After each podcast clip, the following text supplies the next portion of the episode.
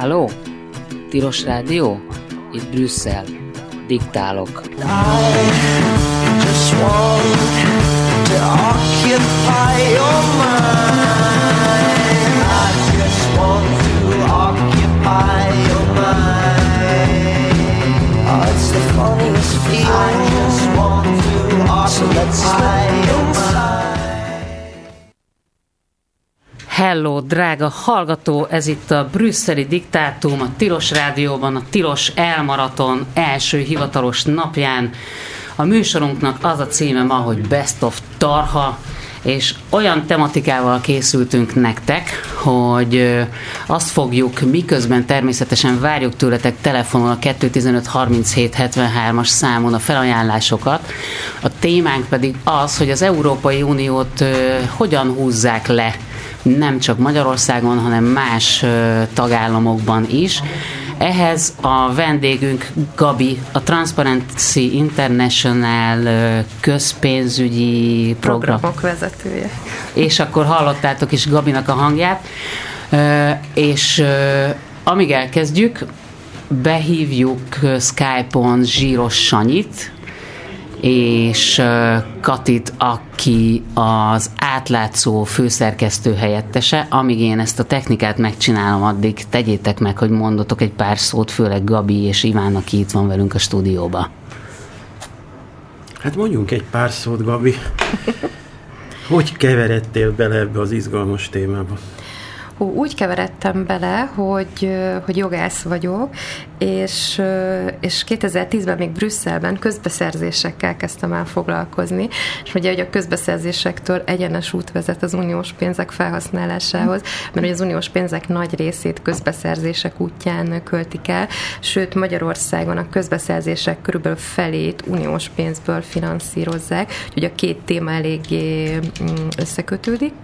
És a Transparency International Magyarországnál ugye korrupciós kockázatokkal foglalkozunk, és nyilván ezek a területek a közbeszerzések, meg az uniós pénzek felhasználása, ez az egyik melegágya a korrupciónak. Úgyhogy elég sok ügyet vizsgálunk. Én konkrétan az uniós pénzek felhasználásával és a közbeszerzésekkel foglalkozom, de a kollégáim nyilván más területekkel is, úgyhogy, úgyhogy van ezzel kapcsolatban És más következtetésre szoktatok jutni, mint a főügyész? A, főgy, a jelenlegi főgyésznél mindenképpen más következtetésekre szoktunk jutni. Több esetben is tettünk már feljelentést, amit általában ugye lezár a rendőrség ugye nyomozás indítása nélkül, de például az én területeimet illetően többször volt már, hogy a közbeszerzési hatóság elnökéhez fordultunk, hogy indítson hivatalból eljárást, mert ugye mi, mint külsős egy szervezet, mi nem indíthatunk, és egyébként már több ügyben indítottak eljárást a, a beadványaink hatására.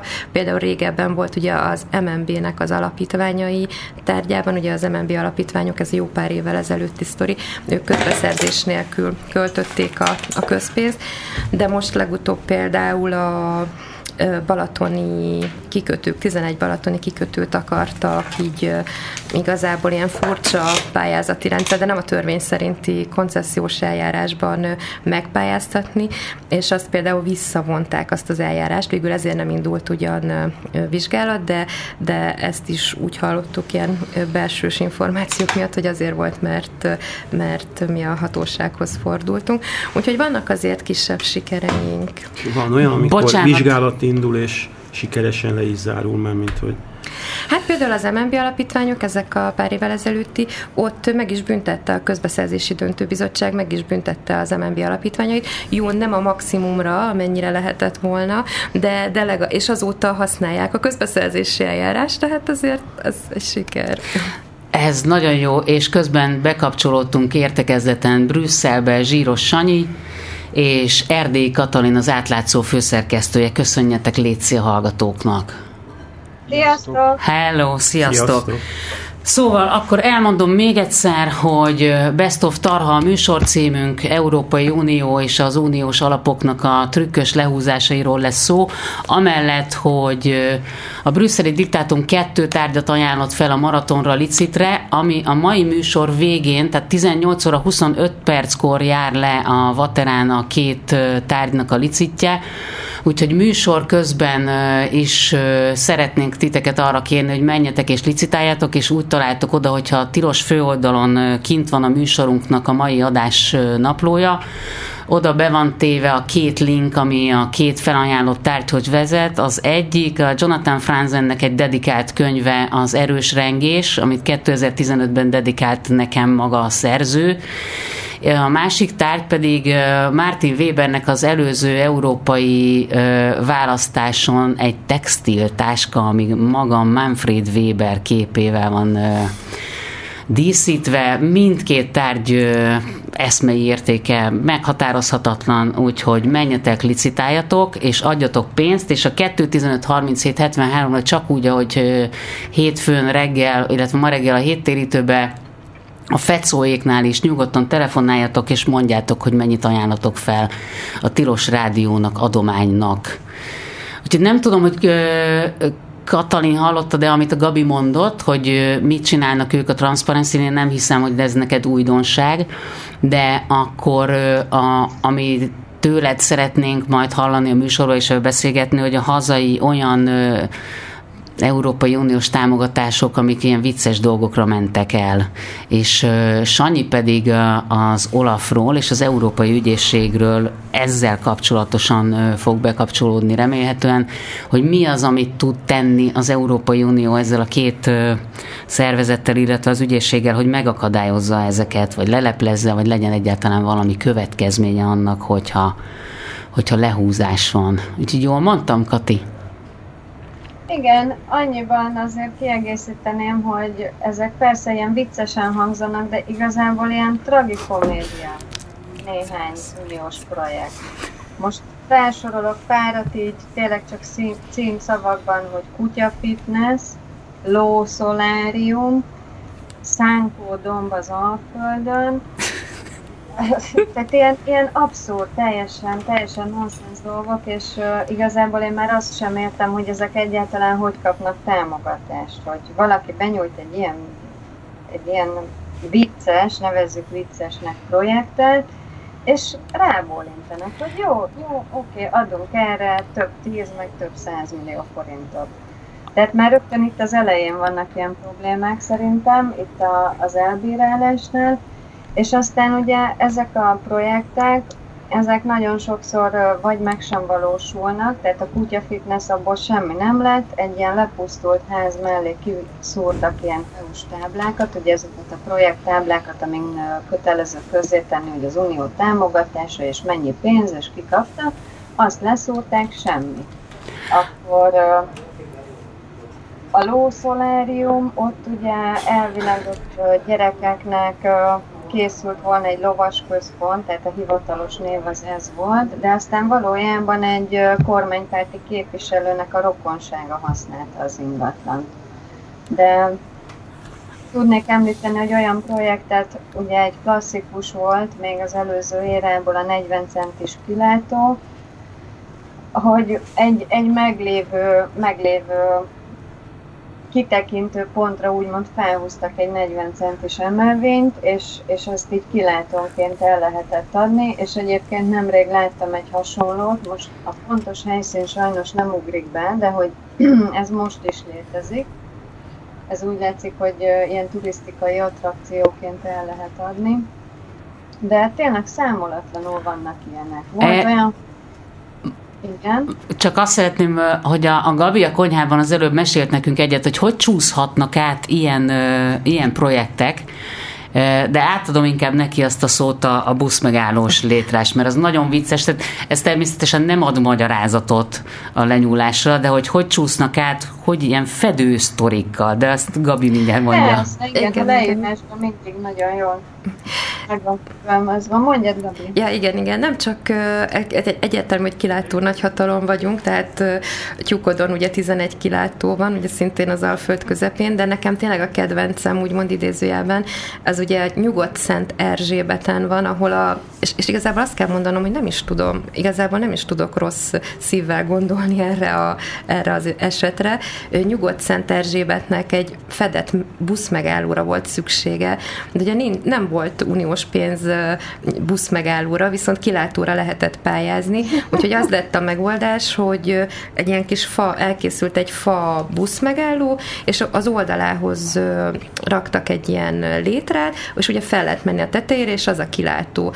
És igazából azt kell, hogy mondjam, hogy inkább ez azt mutatja meg a rendszernek az a szomorúsága, hogy valójában nem találkozik a kereslet és a kínálat. Tehát a kormány, amikor kitalálja, hogy majd a kilátóépítéssel fogja felhozni az elmaradott vidéket, akkor nem látja igazából, hogy mire van igény, és ez, ez sajnálatos, hogy nem arra, arra lehet pénzt pályázni, amire valójában szükségük lenne mondjuk például egy falunak, és azért mondom, hogy ez egy olyan ügy egyébként tényleg nagyon viccesen néz ki, hogyha megnézzük, amit hiába mondjuk mi korrupcióval foglalkozunk, én, én nem is tudnám őket így úgymond vizsgálat alá vonni.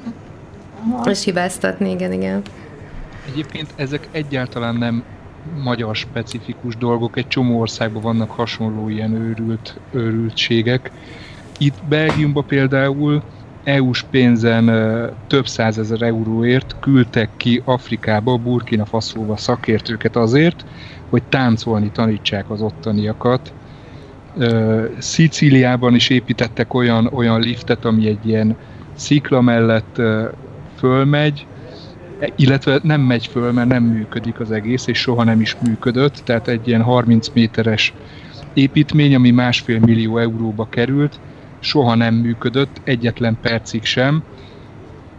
A kérdés az, hogy ezek egyrészt ugye hogy mennek át a tagállamok kormányainak a fejlesztési ügynökségei, hogy írják ki ezekre a pénzt, és ugyanakkor az állami számbevőszék is hogy bólint rá néha, mondjuk van egy pár olyan projekt, amit elkaszáltak, de, de nem az a jellemző egyébként.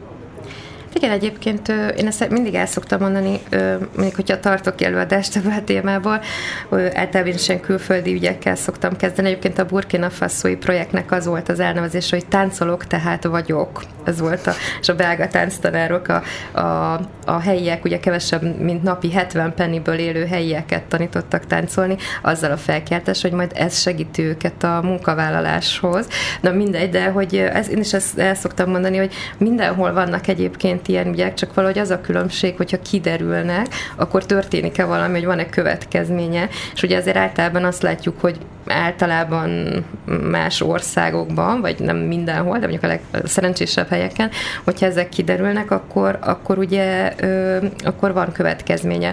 De például nekem az egyik ilyen kedvenc ügyem az Olaszországból való, hogy Kampánia városában, ugye az olyan uniós forrásokat, amit a kulturális örökség védelmére lehet fordítani, 600 ezer euróért Elton John koncertet szerveztek, és amikor ugye a bizottság eljárást indított, akkor a helyi tisztviselők azzal védekeztek, és egyébként ez le van írva a hivatalos iratokban, hogy hát nem értik, hogy mi a probléma, mert Elton John elénekelte az Ó Sole Mio című számot, és ez a könnyekig meghatotta a közönséget, az le van írva a hivatalos iratokban, és egyébként a helyi vezetés később Paul mccartney is meg akarta szerezni, de közben elveszítették a választásokat, úgyhogy Paul mccartney már nem került sor, de vagy hogy egy na, kevésbé vicces példát mondjak, aztán befejezem, hogy az Aténi Egyetemen, a Pantheon Egyetemen a ilyen kutatásfejlesztésre szánt összegekből az egyetem könyvelője egy piros ferrari vett,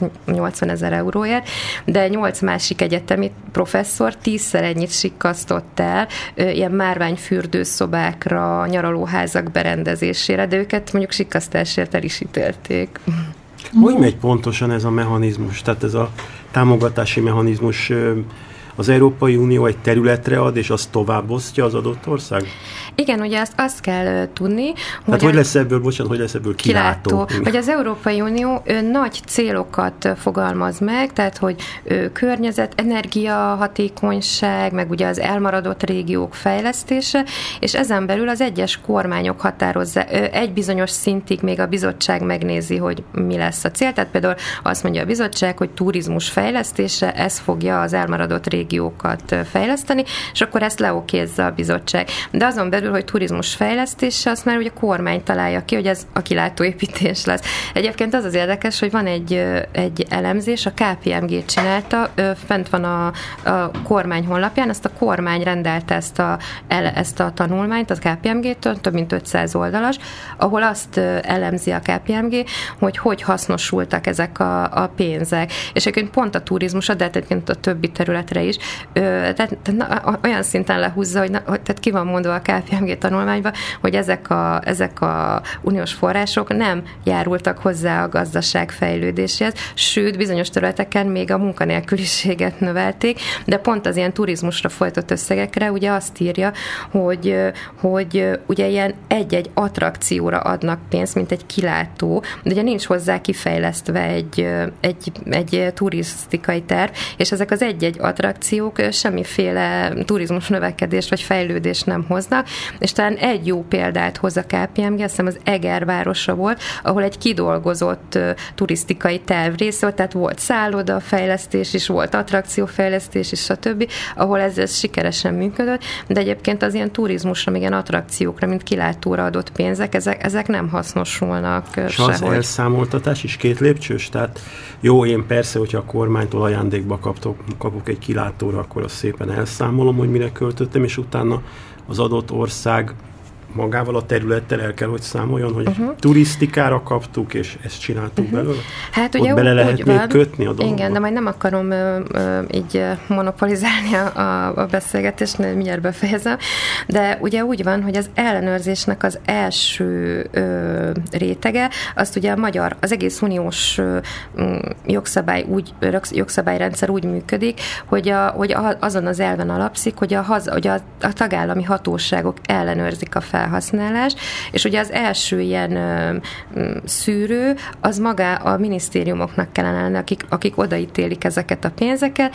és hogyha az nem működik, vagy ők találnak valamit, akkor ugye lehetne az egy ügyészség például, vagy a versenyhatóság, vagy közbeszerzési hatóság, és azzal nem tud mit kezdeni azzal a, az uniós szabályrendszer, hogy van olyan tagállam, aki nem végzi el ezt, a, ezt, a, ezt az ellenőrzést, és igazából az uniós ellenőrzés, tehát vannak ugye ugye uniós auditorok, de van az Olaf is, tehát nyilván ennek is több rétege van.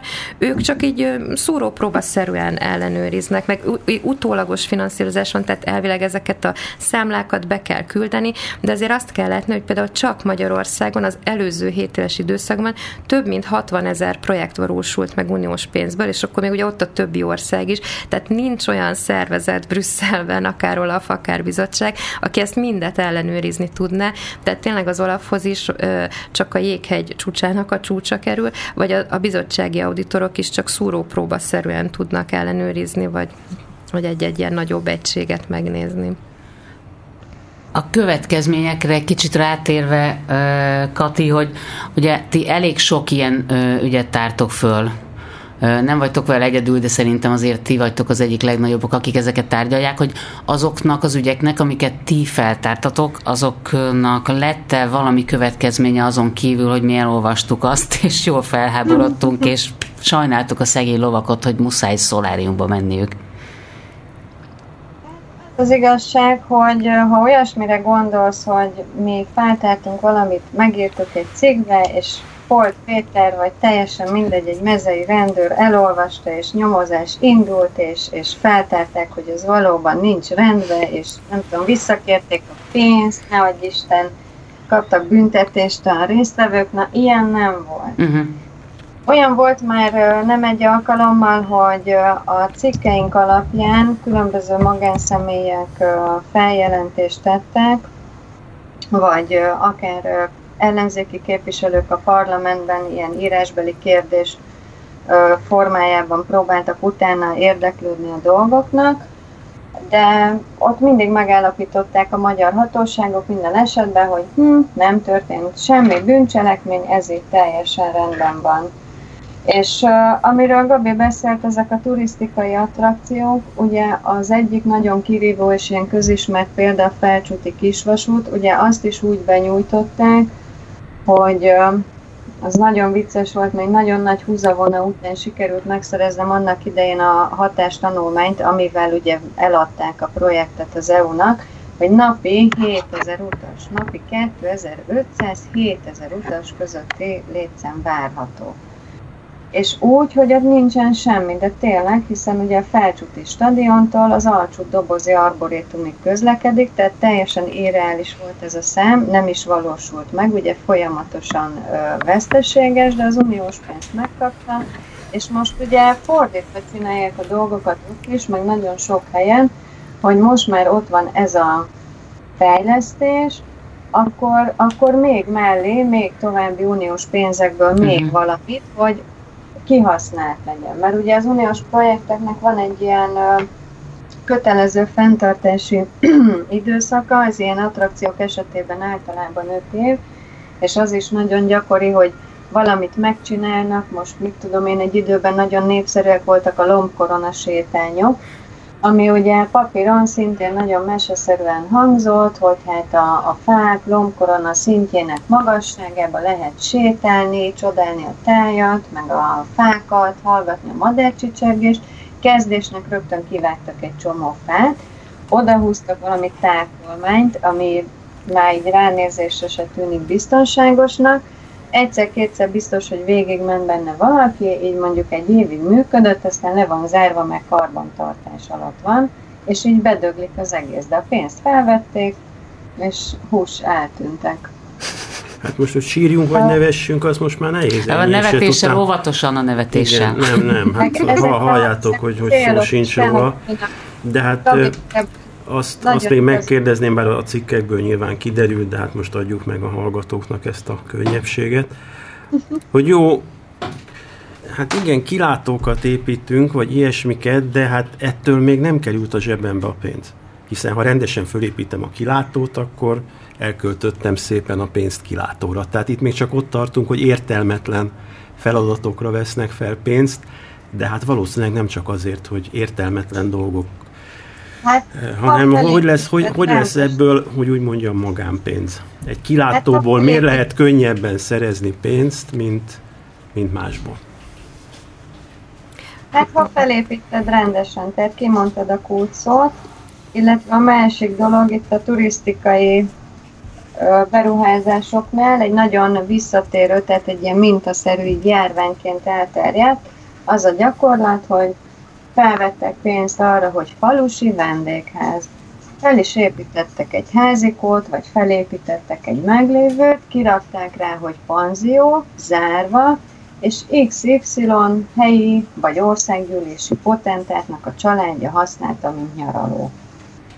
Igen. Tehát így a, az EU-s pénz, a vendégházra felvett EU-s pénz, az egy ilyen családi gyarapodásban formálódott tovább, úgyhogy vannak nagyon kreatív visszaélések, és sajnos, hogy megvan rá a lehetőség. Tehát tényleg, ahogy Gabi mondja, hogy, hogy nincs, nincs erre elég ember, aki ellenőrizze. És ha meg próbaszerűen ugye belenéznek a papírokba, ugye az Elios botrány annak idején így derült ki, hogy megnéztek egyet, megnéztek még egyet, hú, itt már nagyon hasonlóak a papírok, elkezdték nézni az összeset, és akkor rájöttek az uniós ellenőrök, hogy szerintük itt bűnszervezetben elkövetett visszaélésről van szó, mert ugyanazok a cégek ugyanarra a sablonra született szerződések, meg ajánlatok, és akkor a magyar kormány annyit csinált, hogy akkor kivonta tehát visszavonta a számlákat, mert ugye, ahogy Gabi is mondta, utólagos finanszírozás van, tehát mondjuk egy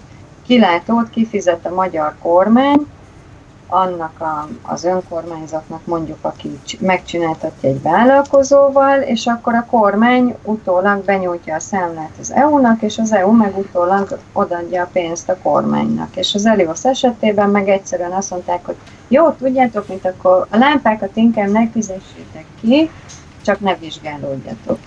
Egyébként a, a kormány erre kifejezetten számít is, tehát ez, ez tehát ezt nyilvánosan nyilatkozták is, hogy ugye meg lehet látni az adatokból is, hogy a kormány, amikor ugye 7 évre kap ugye uniós pénzeket, akkor az uniós pénzek 115%-át tervezi elkölteni, pont azért, hogyha lesznek olyan számlák, amit a bizottság majd nem akar kifizetni, mint például az Elios, akkor gyorsan tudjon helyébe egy másikat benyújtani. Tehát ez, ez erre így készül is. De hát még egy pár szót arról, hogy hogy lesz ebből magánpénz.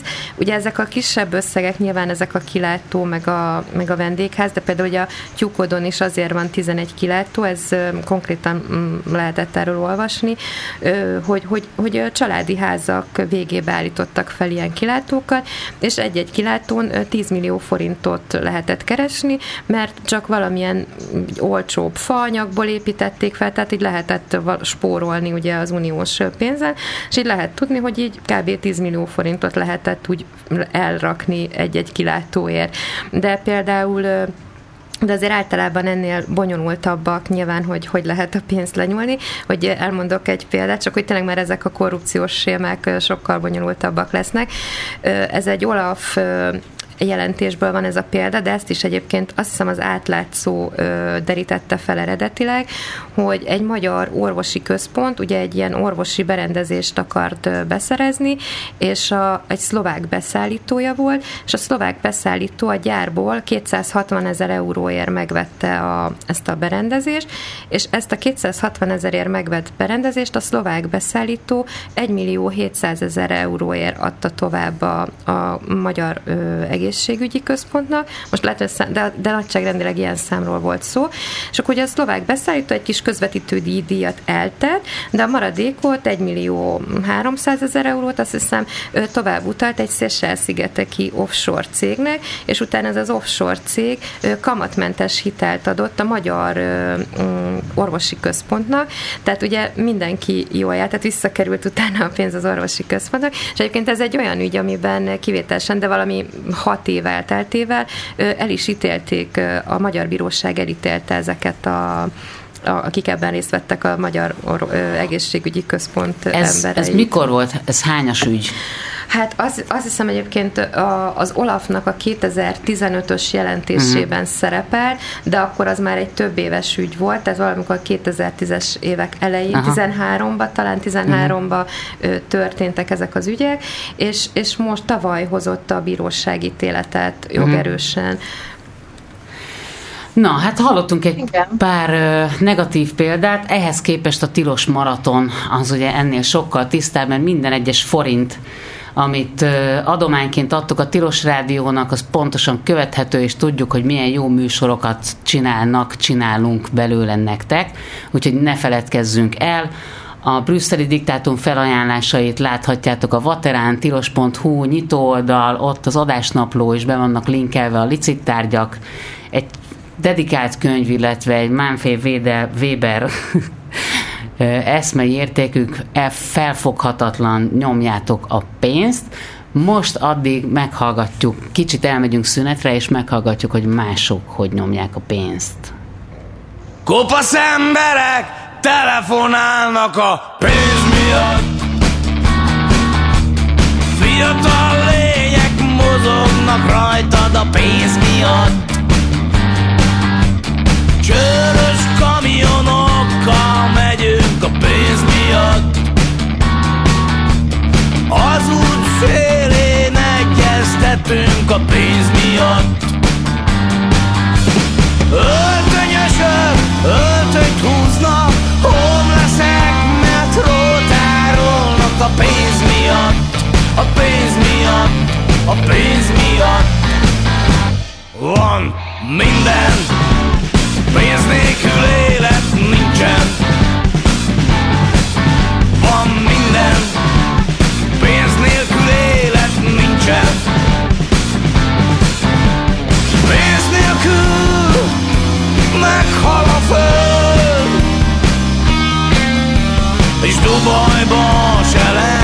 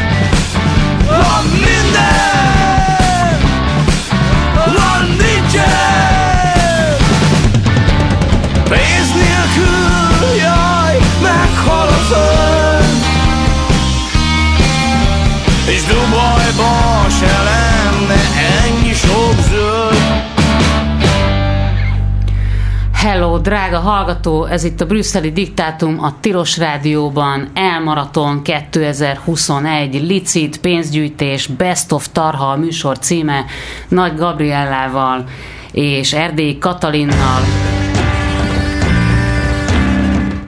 Hát, beleszóltunk.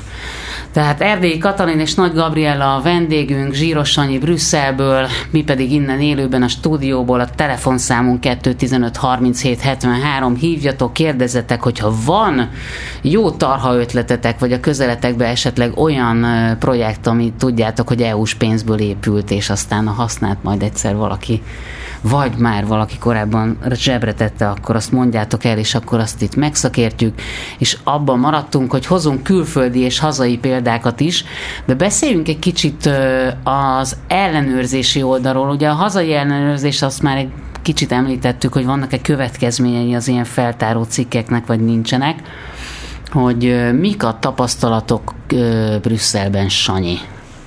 Hatékonyságilag. Tulajdonképpen, ahogy már az előttem szólók is elmondták, az EU az, az fut az események után, tehát nincs egy akkora apparátus, ami ekkora mennyiségű kifizetést tudna ellenőrizni, és igazából az EU az, az egy ilyen naív szervezetként jött létre, tehát az, az unió alapítóinak a fejébe meg se fordult az a gondolat, hogy esetleg egyes tagállamok később, majd egyes bővítések után rendszer szintű korrupcióra fogják használni az uniós forrásokat.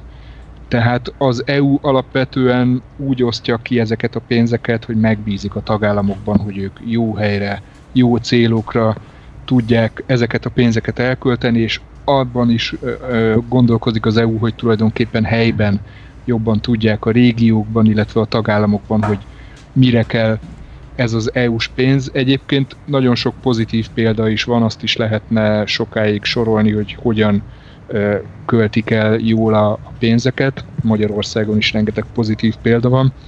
De igazából minimális az ellenőrzés. Minimális az ellenőrzés Brüsszelből. Van ugye az Európai Számvevőszék, ami tulajdonképpen egy ilyen auditáló szervezetként működik.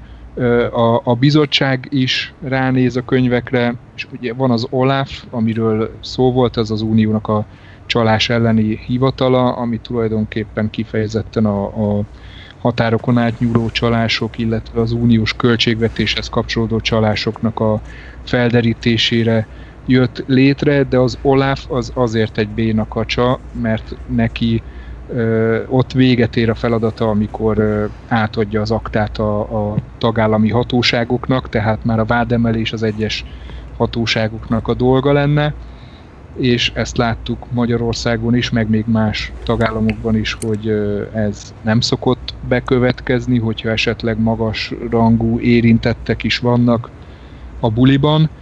És ennek a hiányosságnak az orvoslására jött létre ugye az Európai Ügyészség, ami a napokban kezdte el a működését, hogy ne álljon meg a felderítésnél a folyamat, hanem legyen egy uniós nyomozati körrel rendelkező hatóság, ami esetleg vádat is emelhet. Bocs, hogy félbeszakítalak, van egy hallgatom. telefonunk. Hát kicsit kétső. Próbáld meg még szíves még egyszer, tehát akkor folytassuk. Igen, tehát ebből az elgondolásból jött létre az Európai Ügyészség, ami egy, egy viszonylag kis költségvetéssel és kis létszámmal működő szervezet, és ráadásul öt tagállam úgy döntött, hogy nem lép be. Köztük van Magyarország és Lengyelország is, akikkel rendszer szintű jogállamisági problémák vannak, és emiatt hozták létre most a leges legújabb lépést, amit múlt héten Vera Jurova alelnök is, is beismert nyíltan, hogy tulajdonképpen azért jön létre a jogállamisági mechanizmus, mert Magyarország és Lengyelország nem lép be az EU-s ügyészségbe, és ez a jogállamisági mechanizmus ugye arról fog szólni, hogyha rendszer szintű visszaélések vannak egy adott tagállamban az uniós költségvetéssel kapcsolatban, vagy aminek esetleg jogállamisági hatása is lehet, akkor felfüggeszthetik a, a kifizetéseket, uh-huh. de ez megint úgy tűnik, hogy egy annyira bonyolult eljárás lesz, annyira bürokratikus eljárás, már is a, folyik a, a, az előzetes normakontroll az uniós bíróságon, hogy igazából nem fogja megoldani nem uh-huh. fogja megoldani szerintem. Mielőtt, mielőtt áttérünk részletesebben az Európai Ügyészségre és a a nagy tarhálási lehetőségekre és azok megakadályozására. Te vetetted föl, mondanál egy pozitív példát, hogy még jobban értelmezni tudjuk, mi az, hát hogy nézd, korrupció. Én, tehát egy pozitív én magyar példát. Nem, biztos van, tehát nem vonom kétségbe, csak hogy is lássuk. tudok mondani. Én Békés Csabai vagyok, akárhányszor hazamentem az elmúlt években, a város tele van ilyen kék plakátokkal, mindent uniós pénzből csináltak meg van ennek egy, egy negatív oldala is, tehát amit én nem igazán szeretek, hogy térkövezzük le a belvárost, és akkor legyen egy szép szökőkút, de megcsinálták a kórházat, kompletten felújították, kompletten felújították a strandfürdőt, az egész városba a csatornázást EU-s pénzből csinálták meg, utcákat burkolnak, tehát rengeteg ilyen, ilyen példa van, szennyvíztisztító, vízügyi dolgok. Az ember, hogyha körülnéz egy, egy kisebb vidéki városban tulajdonképpen szinte csak EU-s pénzből fejlesztenek, legalábbis amennyire én látom. Nem lenne előnyösebb így sikkasztani? Tehát, hogy maga a dolog, amiből sikkasztok, annak van értelme?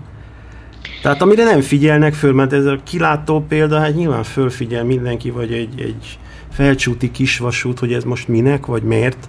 Igen, mert ezek ilyen nagyon abszurd dolgok. Nem Én jó, egyébként... hogy létrehozok egy kórházat, létre is hozom, és abból veszek el egy kicsit, ennek nincs több értelme. Én ne... Iván, nem, nem látok kicsit. bele, hogy... Olyan is van. Igen, abban is van olyan is. Tehát én nem tudom, hogy ez mennyire rendszer szintű az, de, de Hatházi Ákos például azt szokta mondani, hogy a Magyarországra érkező uniós pénzeknek a nem is tudom mit mondott, 20 vagy 30 százalékát biztos, hogy ellopják. Mm. Hát a becslések szerint, ez a, bocs, hogy közbevágok, ez a mi becslésünk is, de uniós kutatások is ezt támasztják alá, hogy, hogy kb. 20-25 százalék a túlárazás átlagban, nyilván van, ahol több, van, ahol kevesebb, és ugye ez a 20-25 százalék egy-egy ügynél nem biztos, hogy feltűnik, hogy 100 helyett 120-ba kerül valami, de ugye hát a sok kicsi sokra megy, tehát azért elég sok pénz elvész a korrupció oltárán. Visszaadtam a szót. Én annyit szeretnék ehhez hozzáfűzni, hogy kiépültek erre is a megfelelő rendszerek, hogy úgynevezett értelmes dolgokból lecsapolni a fölösleget. Ugye most Boldog István ellen épp eljárás van, csodálatos és meglepő módon, Ugye ő az a Fideszes országgyűlési képviselő, aki ellen az a vád, hogy egy település környékén, tehát egy körzetben megmondta tulajdonképpen a, a kép az önkormányzatoknak, a polgármestereknek, hogy jó, felújítjuk EU-s pénzből az utakat, de ez a cég fogja végezni. Tehát, hogy ilyen irányított. És hát visszatérve a kérdésre, hogy igen, azért a lakosság szempontjából jobb így lopni, hogy azért jut valami a lakosságnak is, úgymond, mert legalább meg van csinálva az út. Az más kérdés, hogyha mondjuk 20%-kal, vagy akár 50%-kal drágábban van megcsinálva, hogy mindenki zsebre tudjon tenni egy kicsit, akkor azt érdemes úgy számolni, hogy abból a pénzből, amit elraktak, abból meg lehetett volna csinálni mondjuk még a helyi orvosi rendelőt is, vagy a szomszéd faluba is a járdákat, meg az utakat. Én, én szeretném. Hogy semmilyen módon nem jó, ha lopnak.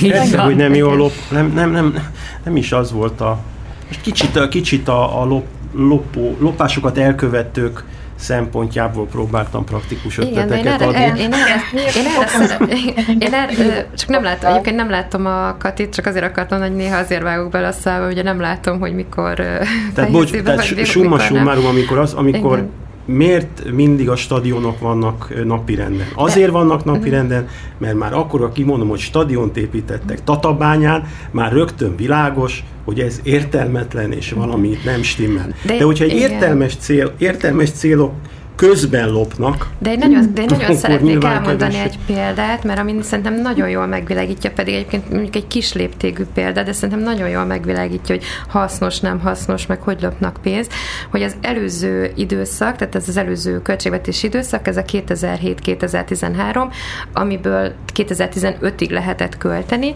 Ott ugye volt ezek a híres bicikliút ügyek, és ott a, ugye mert, á, most már látom a Katin, ugye ott, ott az, mivel el kellett gyorsan költeni a pénzt, négy nap alatt 7 milliárd forintot szórtak ki arra, hogy, hogy bicikliutakat építsenek, és erre 62 pályázat érkezett, és a 62 pályázatból három olyan volt, és szerintem ér, megérdemli, megérdemlik, hogy elmondjuk őket, Győr, Siófok és Sargótarján, tehát három olyan önkormányzat volt, aki nyilvános, nyílt közbeszerzési eljárást írtak ki, az összes többi ugye úgy trükk hogy értékhatár alatti legyen, vagy csak három céget kelljen meghívni, most például a 350 fős ták Tákos nevű ö, településen egy ilyen bicikliút 187 millió forint volt kilométere, és ugye ezekből lettek ezek, a, amikről ugye terjengenek képek is ugye a neten, hogy, hogy a semmibe vezet a bicikliút, hogy ilyen hullámos, hogy így kikerüli a, a nem tudom, az épületet, tehát borzalmas utak készültek ezekben a helyek, ezeken a helyeken.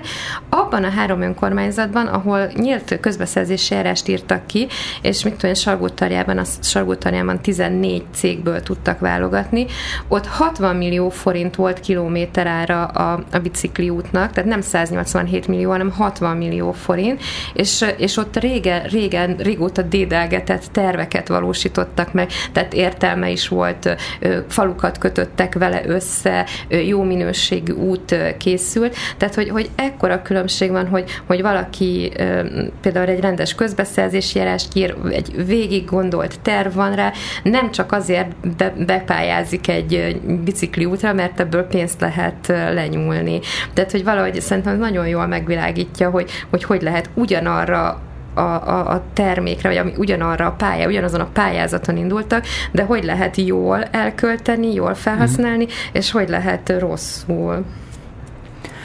És amit te mondtál, Sanyi, hogy nagyon minimális az ellenőrzés, nekem igazándiból az ütötte meg itt a fülemet, hogy annak is az az oka ott nagyban, amit a Gabi mondott, hogy, hogy 60 ezer projekt volt a legutóbbi 7 éves ciklusban Magyarországon, ez képtelenség ellenőrizni és én azt szerintem az most már lassan köztudomásan imádom a számokat. Te tudsz ilyen jó számot mondani, hogy a 7 éves ciklusban Magyarországon 60 ezer projekt volt, akkor mennyi volt globalice az egész EU-ban?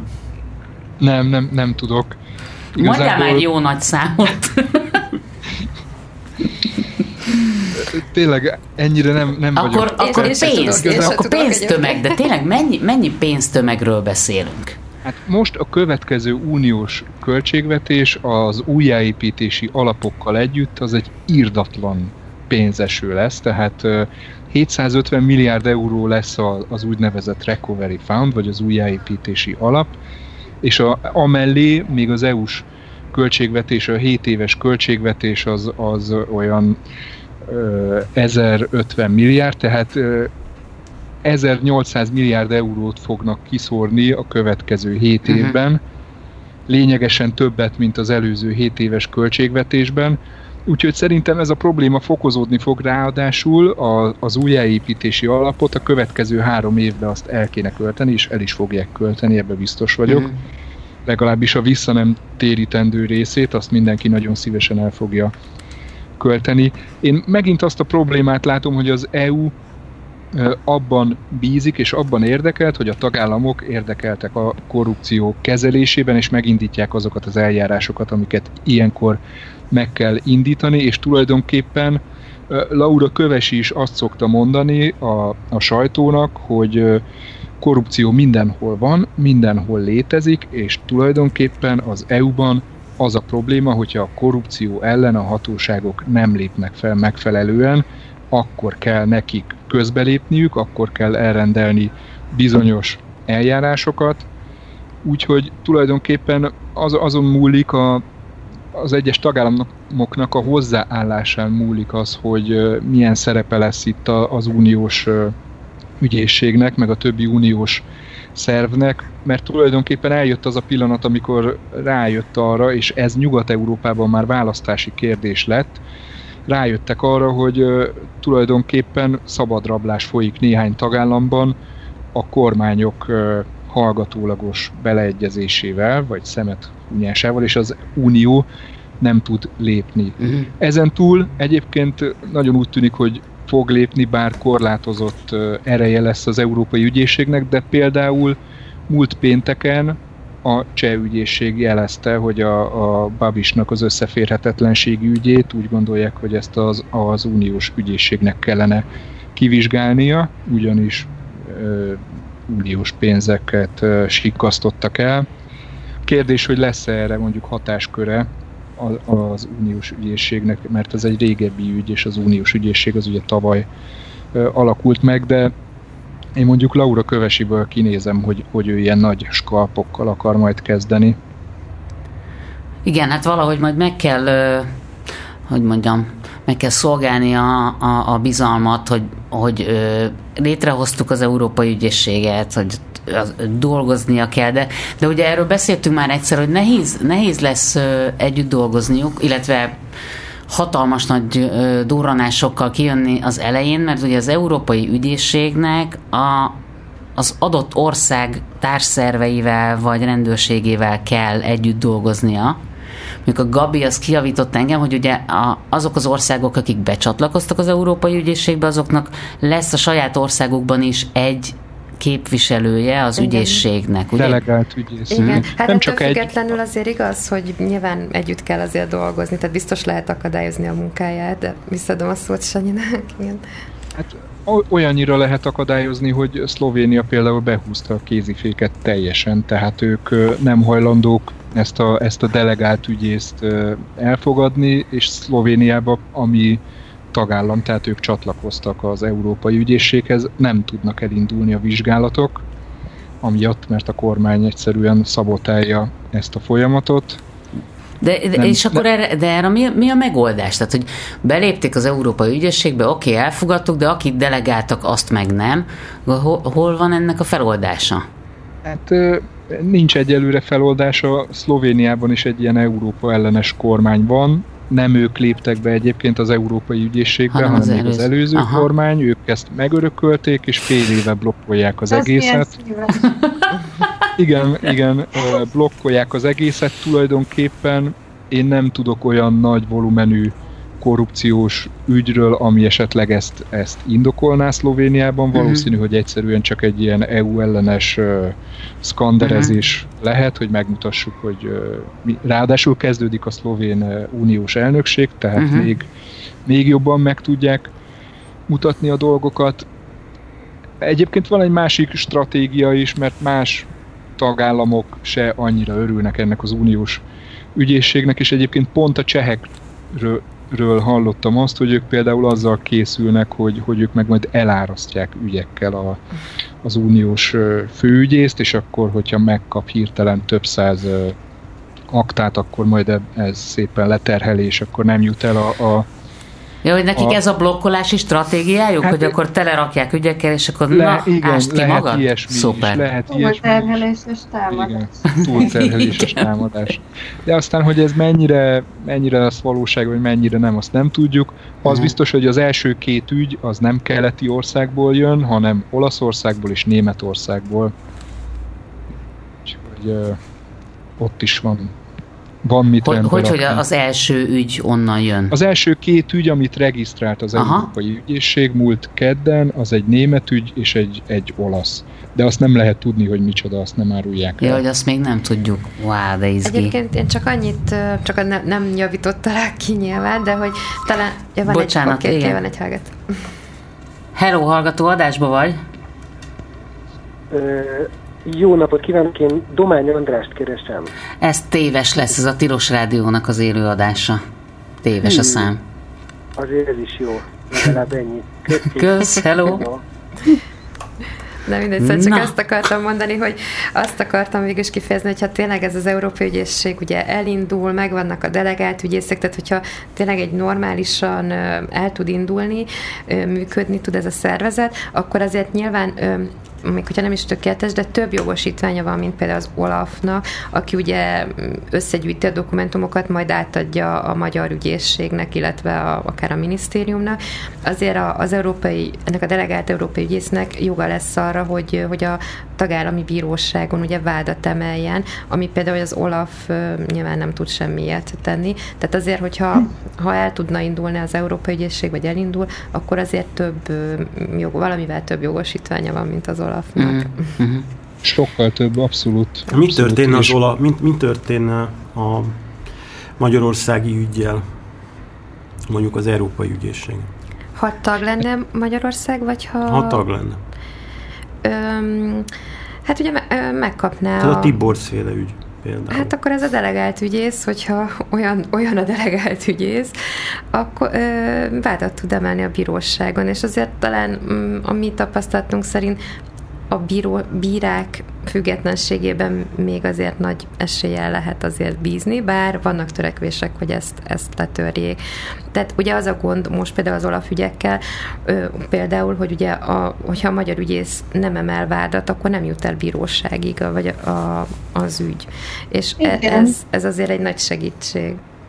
Nagyon sok cikket írtunk erről, ugye az Olaf úgynevezett jelzéseket tesz a magyar főügyészségnek, hogy neki ez és ez a projekt vagy ügy gyanús, és akkor hát Pol Péter előszeretettel emlegeti, hogy ő minden esetben utasítást adott ezeknek a kivizsgálására, és van nekünk egy cikksorozatunk, amiben ezeknek az olaf jelzéseknek járunk utána, Hát négy és öt éve nyomoznak mindegyikben. Mm. Tehát Úgy, hogy az Olaf pedig már összegyűjtötte. Megadta, igen. igen tehát átadta a csomagot, igen. hogy tessék, ezt tártuk fel, legyen kedves valamit csinálni, és itthon meg öt éve tart a nyomozás, nem találják a felelőst, nem volt még kihallgatás, tehát ilyen elmismásolás, ugye nem is tudom, hogy mi ez. Most egyébként, ha nem mismásolunk, akkor elvileg, tisztán elméletileg könnyű bizonyítani egy ilyen korrupciót? Mert úgy tűnik, hogy, hogy azért Hát figyelj, hogyha Ferrari-t vásárol belőle, az azért elég hát könnyű. Hát valamit könnyű, de valamit nem. Például, ugye, amit meséltem, ezt az offshore-os, ezt, ezt az egészségügyi ö, központ, ugye, akik Seychelles-szigeteki mm. offshore szigetekre, ö, offshore, offshore céghez utalták a pénzt. Nyilván ott nem, és ennyiben van előnye az Olafnak, hogy ők könnyebben tudnak ilyen határon átnyúló ügyekben bizonyítékot gyűjteni, de azért alapvetően a, a korrupciónak vannak, az, most már inkább kifinomultabb formái vannak, és mivel általában ugye minden résztvevő fél ö, kedvezményezetje, vagy valamilyen módon kedvezményezetje ennek a, egy korrupciós sémának, így, így nehéz ezeket feltárni abszolút. Tehát uh-huh. nincs olyan, aki nyilván a köz veszít rajta, de aki részt vesz benne, ő jól jár. Igen, és nem nyilatkoznak, meg, meg bíznak abban, hogy hú, hát ha megúszszák, és Tehát akkor vannak, vannak jó kis módszerek, tehát van, ahol Vannak, túlterheléses támadás, van, ahol a delegált ügyészre mondják azt, hogy nein danke, van, ahol akkora nagy feladat, hogy öt éve képtelenek vagyunk átrágni magunk azon a 7,5 centis lefűzős doksin. Na Hát ez, ez, ezzel, ez bolykott, végülis ez, ez- ez bolykott, olyasmire gondoltam, hogy Hát ez inkább Hogy- ilyen szabadás. Ezek a dolgok. igen, igen. És van egy, ö, bocsánat, ez csak tehát, hogy az alibi része, van egy erős alibi lehetőség. Még ezt mondjátok el, A- aztán zenéjünk egyet, mert a, te, a tele van a korrupciónál, fejünk. amikor valahogy be tudom, be tudom bizonyítani, hogy ez a pénz megvan. Tehát, Hát meg például a, például a kisvasút is, ugye a, a kisvasút is megvan, megépítették, uh-huh. és még az is, megvan, a pénz is megvan. és, a, és, és még azt is lehet, most azt nem, azt hiszem, az, azt talán nem is mondta senki, hogy, hogy mennyire, hogy túl van-e árazva, vagy nem, csak minek. Tehát, hogy ugye, a, a, ugye az is korrupció, vagy az is veszteség a közszámára, hogyha haszontalan, indokolatlan ö, ö, ügyre, vagy ugye beruházásra költik a pénzt. Mm, Úgyhogy, úgyhogy sokszor egyébként ez a gond, sokszor nem, nem is tud például a bizottság ugye jogilag belekapaszkodni, mert ott van, megépült, igaz, hogy senki nem használja, tehát ezek, ezeket nehéz igazán bizonyítani, hogy, hogy mennyire lehet azt bizonyítani, hogy ő már az elején is tudta, hogy nem lesz ö, haszna ennek a beruházásnak. Én még egy kreatív módszert szeretnék gyorsan elmondani, amit a Gabi már futólag említett, hogy a közbeszerzési értékhatárok ugye különböző kategóriáknál megvan, hogy ö, mekkora értéknél, tehát egy építőipari beruházásnál mekkora értéknél kell nyílt közbeszerzést írni, és ezzel nagyon sokan szoktak játszani, hogy mondjuk van egy három emeletes ház, akkor az cakompak lenne mondjuk 3 milliárd forint, az már ugye értékhatár fölött van, tehát ki kéne rá írni a közbeszerzést, de ezt szétszedik mondjuk öt külön projektre, tehát külön megversenyeztetik mondjuk a földszintet, aztán külön a másodikat, a harmadikat, külön a tetőt, külön az ablakokat, úgy, hogy ugye az egyes részek azok értékhatár alatt legyenek, és ne kelljen közbeszereztetni, hanem a ismerős cégnek ki lehessen adni. Hát ö, szusszanjunk egyet, ez a Tilos Rádió, benne a brüsszeli diktátum, Nagy Gabriella és Erdélyi Katalin van velünk az adásban, és arról beszélünk, hogy ki hogy tarhál, milyen, mint ahogy mi is tarhálunk az elmaraton ideje alatt. Zenélünk egy kicsit, és aztán jövünk vissza.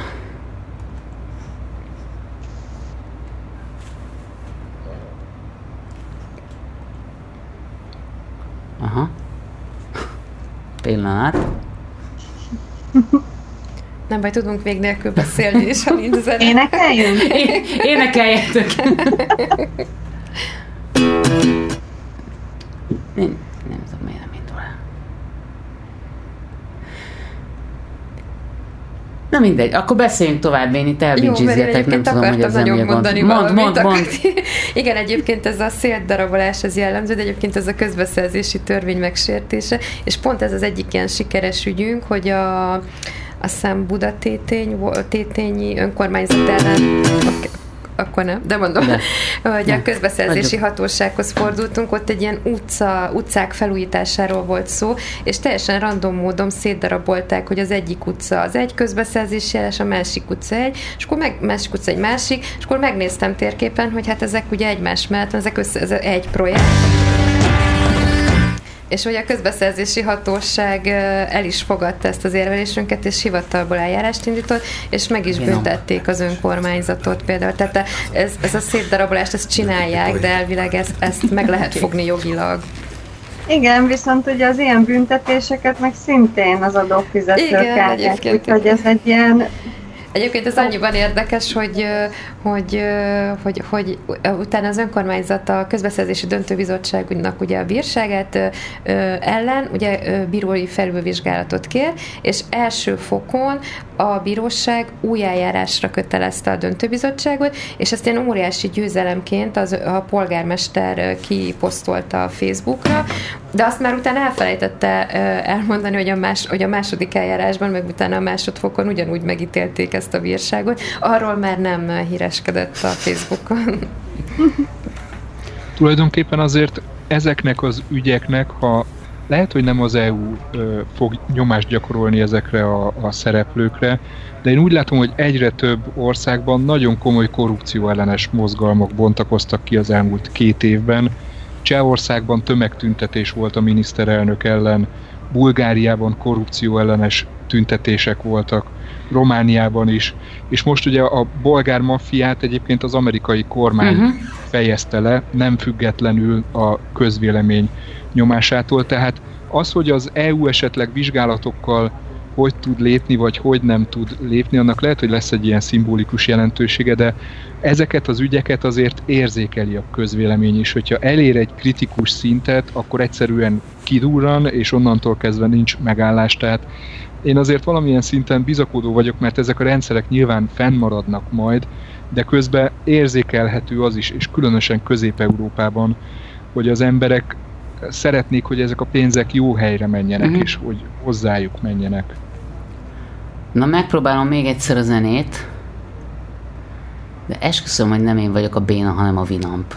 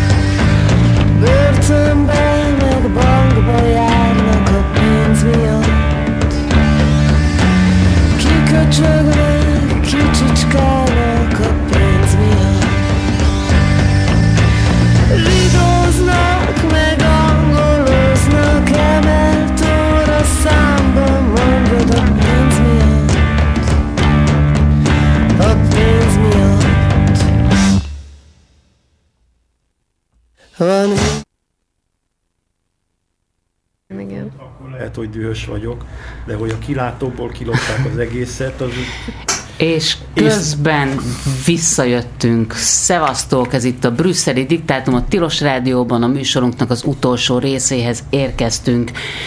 És arra gondoltam, hogy kezdhetnénk, hogy beszélhetnénk egy kicsit arról, hogy ezt tudjuk, hogy az EU bürokratikus, lassú, minden nagyon nehézkesen megy, de, de hogyha azt mondjuk, hogy ez egy úri emberek klubja, természetesen nem feltételezzük azt, hogy ez mindig is így volt, és hogy mindenki hófehér és habtiszta rajtunk kívül, de az, hogy tömegesen jelenik meg az ilyenfajta lenyúlás, az erre való felkészülés is időt vehet igényben. Nem tudom, hogy, hogy jól gondolom-e, vagy ez egy ilyen buta, hurrá optimista hozzáállás. Tehát arra gondolsz, hogy az EU majd ezt megtanulja, és... Uh, Egy csomó mindent igen. velünk kellett megtanulnia, igen, tehát ezt a jogállamisági mechanizmust is igazándiból azért mi robbantottuk. Most abban történetileg egy kicsit uh, ugyanezt talán azzal egészítenénk ki, vagy úgy fogalmaznám meg, hogy az EU-s pénzlopásnak mekkora a hagyománya. Tehát ma, Nyugaton? A, az, hogy nyugaton is a saját költségvetésükből hát korrupció mm, van, de ez egy viszonylag igen. új jelenség, hogy magukból ez az a EU-s támogatásból... ez igen. Ez biztos vagyok benne, tehát ez az, hogy rendszer szinten ez történik, és központilag szervezve szinte, ez, ez biztos, hogy ez, ez velünk jelent mm-hmm. meg. Biztos, hogy voltak egy-egy, egy-egy ügy, biztos, hogy volt Olaszországban, Görögországban mindig is, de, de abban igazad van, Zsuzsa, hogy hogy nyilván az EU is tanul, és azért szerintem a problémát, biztos, hogy ki lehet, meg le, azt ki lehet jelenteni, hogy a problémát érzékeli, és ezért vannak ilyen próbálkozások, mint a Sanyi már említette, hogy, hogy ugye lesz egy ilyen új mechanizmus, hogy a jogállamiság mechanizmus. Nem tudom, hogy mennyire lesz nyilván ezek, mennyire lesznek hatásosak, de hogy a problémát érzékeltek, és hogy próbálnak ez ellen ö, akár szervezeteket felállítani, akár új mechanizmusokat, az biztos, tehát lehet, hogy előbb-utóbb hatása is lesz. Szerintem egyébként ezek a próbálkozások leginkább a nyugati közvéleménynek szólnak, ugyanis Hollandiában például választási téma az, hogy mekkora az EU-s pénzek korrupciója Magyarországon. Németországban idén a zöldek azzal fognak kampányolni, hogy Orbán Viktor milyen stadionokat épít, és hogy a, a felcsúti kisvasút ügye. Tehát valamit mindenképpen lépnie kellett az EU-nak. Ezt tudták kitalálni, ezt a jogállamisági mechanizmust, meg ezt az európai ügyészséget. Szerintem egyébként ennek a politikai üzenetértéke az sokkal nagyobb, mint amennyi eurót mondjuk vissza tud szerezni majd ez a, ez a két mechanizmus, tehát a, a jogállamisági mechanizmus és az európai ügyészség, mindenképpen ez egy, ez egy kőkemény politikai üzenet, és, és látszik a célcsoport is, tehát Magyarország és Lengyelország egyértelműen kimondottan be van azonosítva ebben a két térben, bár Lengyelország a korrupcióban nem jár annyira élen, amennyire, jól, amennyire tudom, ők azért elég jól használják fel az EU-s pénzeket. Kati, elkezdtél valamit? Igen, hogy uh, szerintem néhány év múlva biztos, hogy rutin szereznek az EU-s ellenőrök, mert én is egyetértek azzal, hogy uh, ilyen rendszer szinten, meg ilyen, ilyen központi jóváhagyással, félrenézéssel, tehát egyértelmű bizonyítékok megkapása esetén is 5 évig tart egy nyomozás, és még kihallgatás volt, tehát hogy ilyen félrenézés van, ez biztos, hogy új nekik, és Szerintem így eleinte nem is tudták mire vélni, mert, mert hogy így egyszerűen a módszer idegen. Tehát nyilván más országokban is vannak korrupciós esetek, meg korrupt emberek, de, de itt talán leginkább a pofátlanság az, hogy mhm. ennyire nyíltan, és mindez ugye párosulva azzal, tehát én a politikai üzenetet is abszolút megértem, ugye párosul azzal, hogy az Orbán kormányról nyilvánosak ezek az információk, hogy hogyan és mire költi az EU-s pénzeket, és közben meg ahol tudja, ott támadja Fikenza az Európai Uniót. Uh-huh. Tehát, hogy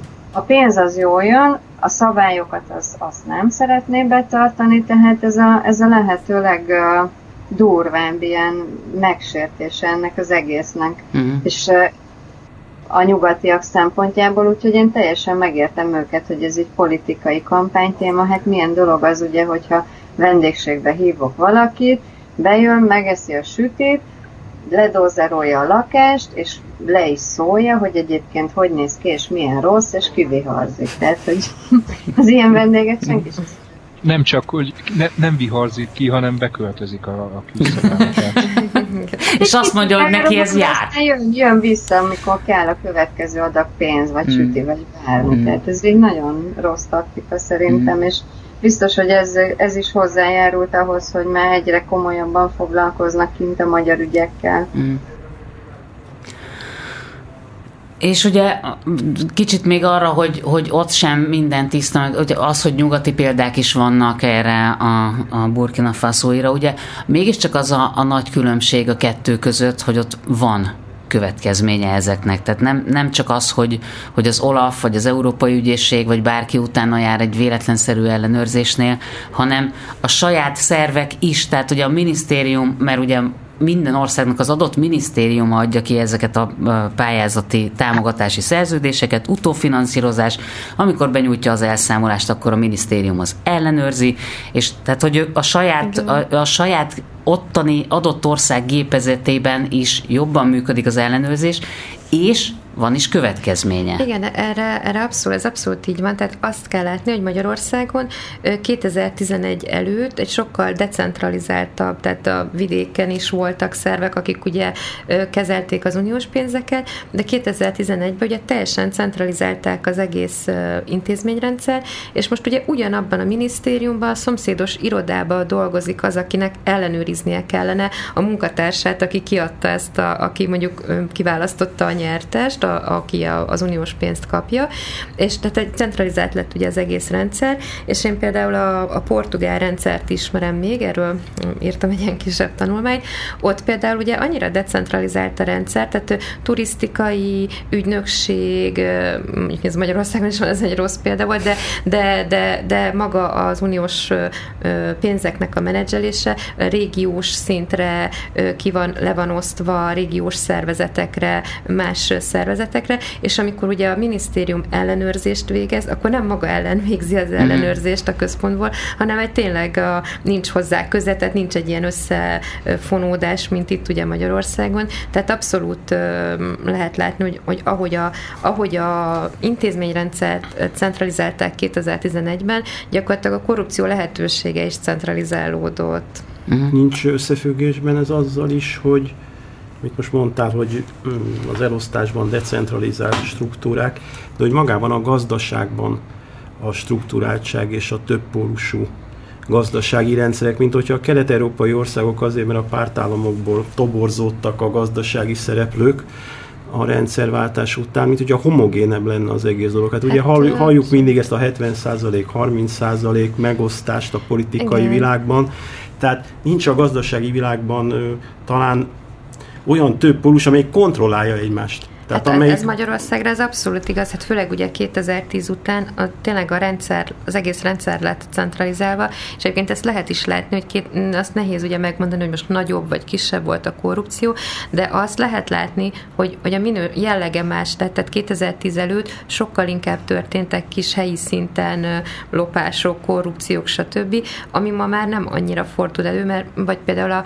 mondjuk a, a, az ilyen kis utcai korrupciót, a rendőrök lefizetését ebben például nagyot javított Magyarország 2010 után, mert ahogy az egész rendszer egyébként, az egész rendszer centralizált lett, úgy tűntek el ezek a kis helyi mágnások, olyan tudom, kis helyi korrupciós fészkek. Tehát ez egyébként abszolút így van, de mm, lehet, hogy előtte is valamilyen szinten voltak ilyen háttérmegegyezések, de 2010 után biztos, hogy el lehet mondani, hogy centralizált lett. Ahogy a, az egész felépítése az államnak centralizált lett, úgy a korrupció is, és a, a szervezése is, is, és, a, és a gazdaság is centralizálva lett, igen.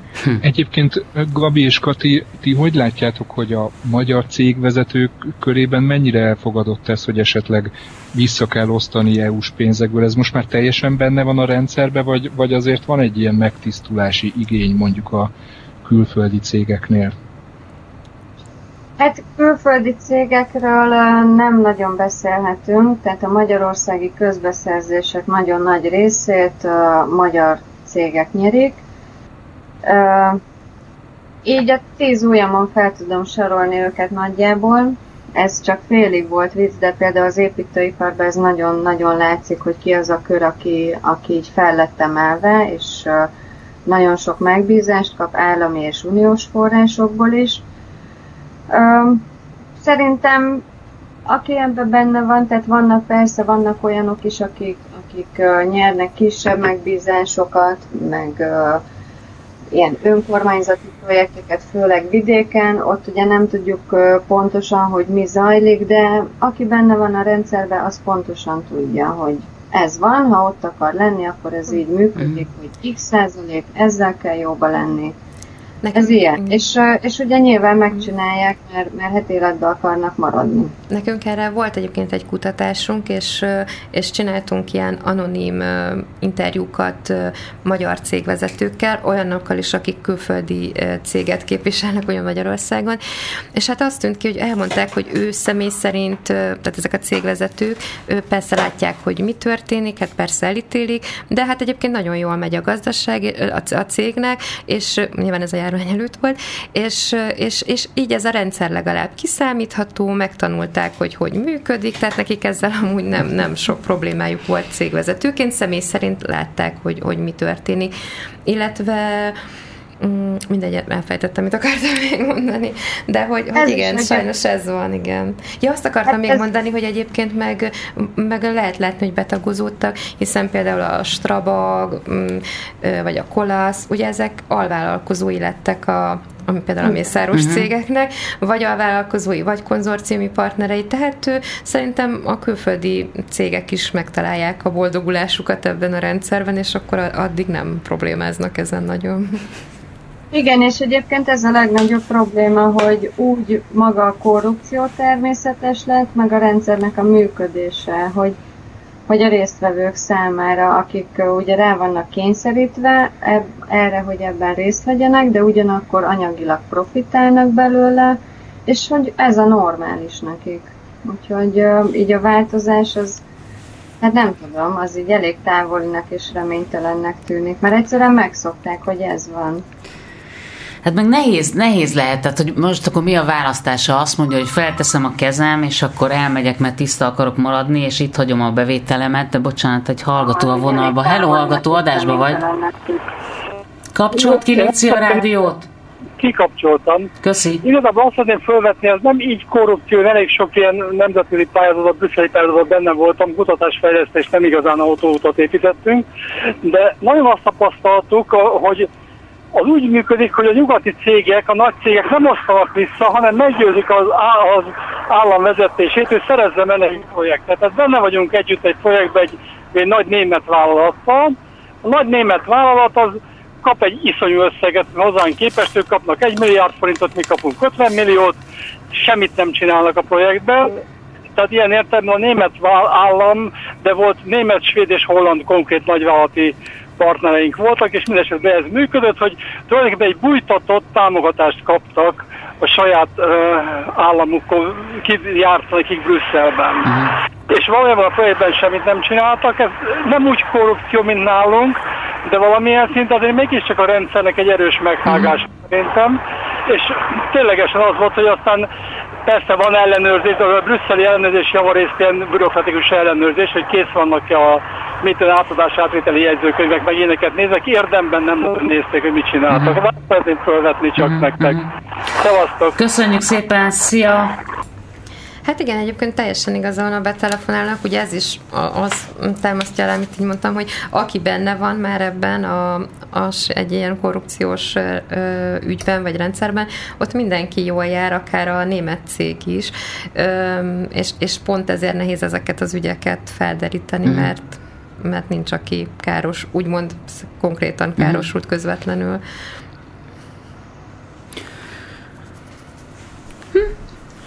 Szeretnék elmondani egy pozitív példát. Léci, léci!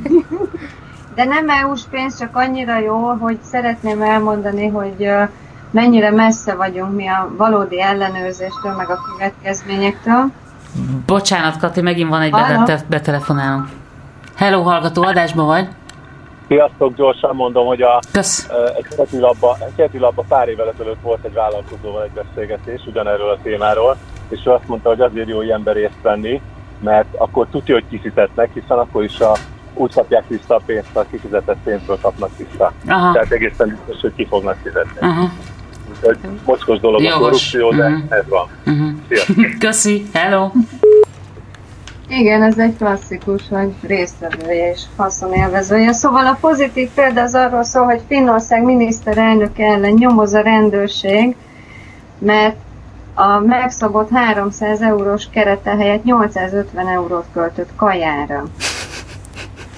Ez a, ez, de ez havi, évi, tíz évre? Azt Mennyi? Hiszem, havi, azt havi. havi, havi, havi költség. Havi, igen. Tényleg, hogy még iszonyú messzire vagyunk. Igen, de nem tudom mennyire pozitív, lehet a finneknél ez nem pozitív példa.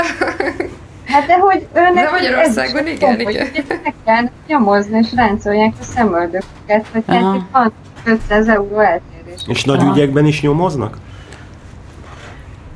Szerintem igen, én, én például Dán, én mondtam is egyébként, hogy ugye a Transparency International a berlini központ minden évben kiadja ugye a korrupciós listát, a rangsor, és hogy ott mindig általában a skandináv országok vezet, végeznek az élen, de ez nem azt jelenti, hogy ott nincs korrupció, tehát ott is van, és például Dániában is ugye volt egy nagyon nagy ügy, a Danske Banknak voltak ilyen korrupciós, egy nagy korrupciós botránya, és, és hát kiderült, és, és igen, ott nyomoznak, eljárás indult, stb. Hogy ez a különbség, akik például az élen végeznek skandináv országok, hogy ott is van korrupció, de ha kiderül, akkor van következménye. Mm. Most Finországot nem tudom, de például Dániában tudok ilyen nagy, nagy botrányt, amiben nyomoznak, és, és több vezető is érintett, és ott tehát egy érzékeny ügy. Igen, a skandinávok ezek, ők fellépnek ellene.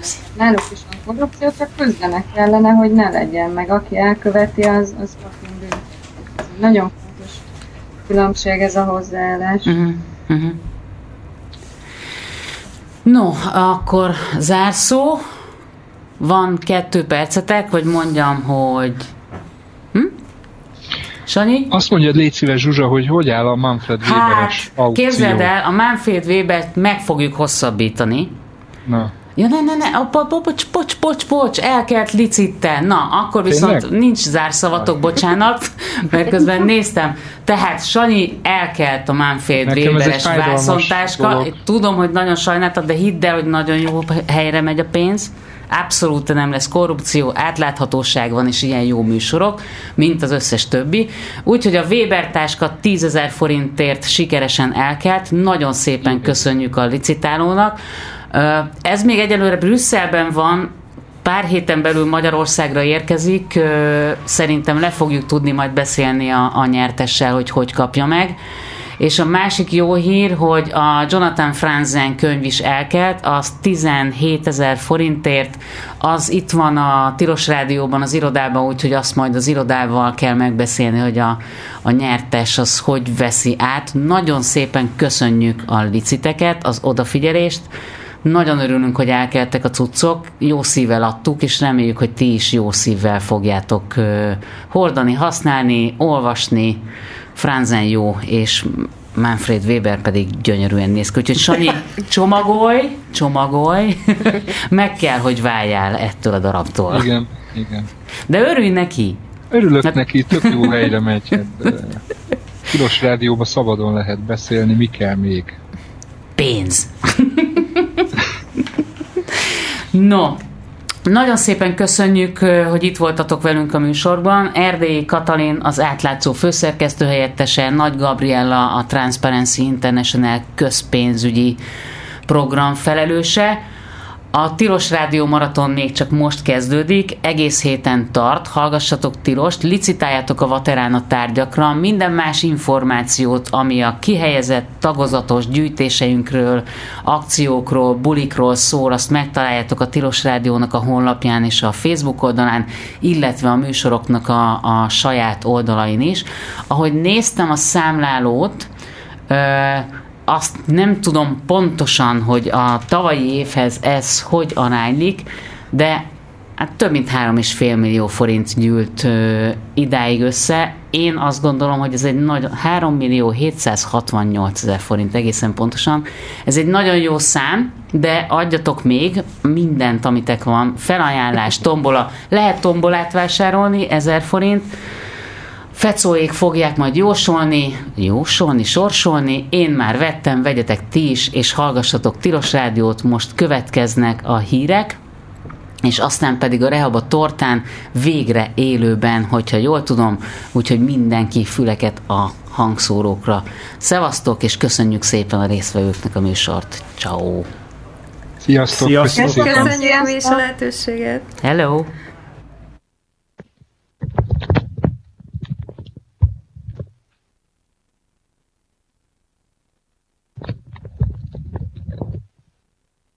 Része 40%-a várhatóan a kettes metróra vált, a többiek az Erzsébet hídon közlekedő buszokat választják. Kezdődik a rakparti felújítás a parlament és a Margit híd között, ez a szakasz az év végéig lesz lezárva. A közösségi közlekedés gyorsítására összefüggő buszkoridort hoznak létre 110E néven, ami 10 percenként fog járni kelet-nyugat irányba, a budai Bach csomóponttól a Hegyalja úton, az Erzsébet hídon, Rákóczi úton és a Tököli úton keresztül Zuglóig. A június 19-től forgalomba álló járat célja a terelve járó 105-ös busz termentesítése.